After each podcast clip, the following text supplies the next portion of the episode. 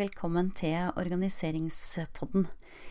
Janne heter jeg. Jeg driver smart organisering og design. Og jeg har tidligere drevet eh, podkasten Five and Chill, eh, podkasten for travle mammaer. Nå er jeg tilbake igjen for eh, fullt og i ny drakt. Nå er det fullt fokus på organisering, og derfor så endrer jeg navnet til Organiseringspodden.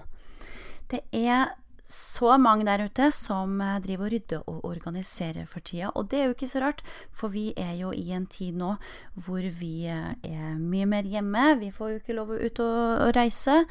Og da er det jo ikke noen ting som passer bedre enn å rydde og organisere hjemme.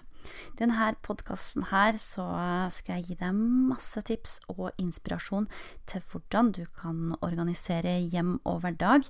Og jeg gleder meg til å være tilbake igjen etter en par års tid ute. Um, ett år er det vel siden siste episoden var, men eh, det er en stund siden jeg starta den podkasten her. Og jeg må si at jeg har savna det eh, veldig, sånn at jeg gleder meg til å komme ordentlig i gang igjen. Det her er kun en uh, intro, sånn at jeg skal ikke ta for meg noe spesielt tema i dag. Men uh, jeg tenkte å gi deg en liten kickstart på veien. Fordi det som er, er at uh, når vi starter med å rydde og organisere hjemmet, det første vi må starte med, er rett og slett å analysere behovene våre. Man skulle tro at man starter med å kvitte seg med ting, men det er faktisk steg nummer to.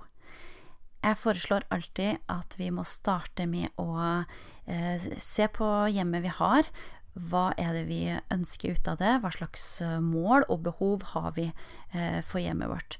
Det er i stadig endring i forhold til at vi sjøl er i endring, og familiesituasjon, eh, barna vokser osv. Så, så det gjør at behovene våre endrer. Og da eh, er det veldig viktig å underveis eh, gjennom tida eh, bytte ut ting. Eh, det er nå det ene. Det er greit å få kvitta seg med ganske mye, for det hoper seg fort opp. Men start aller først med å gå gjennom hele huset. Analyser hvordan du kan eh, gjøre endringer, eller hva slags endringer som skal gjøres. Eh, hvilke behov har familien, og ikke minst Eh, følg litt med på eh, hvordan både du selv og familien beveger seg rundt omkring i huset, og se hvor de legger fra seg ting. Fordi at eh, der de legger fra seg ting, og hvis det ikke er noe spesielt eh, oppbevaringssystem, eller en, eh, skal vi si en, en, boks eller en kurv, eller eh, hva det nå skal være av behov som ligger der, så vil det bare hope seg opp på det stedet. Hvem er det som ikke kjenner igjen det her Man eh, legger fra seg noen ting på benken. Og så er det Alle legger fra seg der etter hvert. Det blir en større og større haug, fordi at eh, ja, når det ligger en del ting der fra før, så forsvinner det litt i mengden, vil man tenke. Men hvis man lager et uh, passende system i det området, så vil du se at rotet vil etter hvert minke. Men det her skal vi eh, ta for oss eh, litt grundigere framover i de neste podkastene.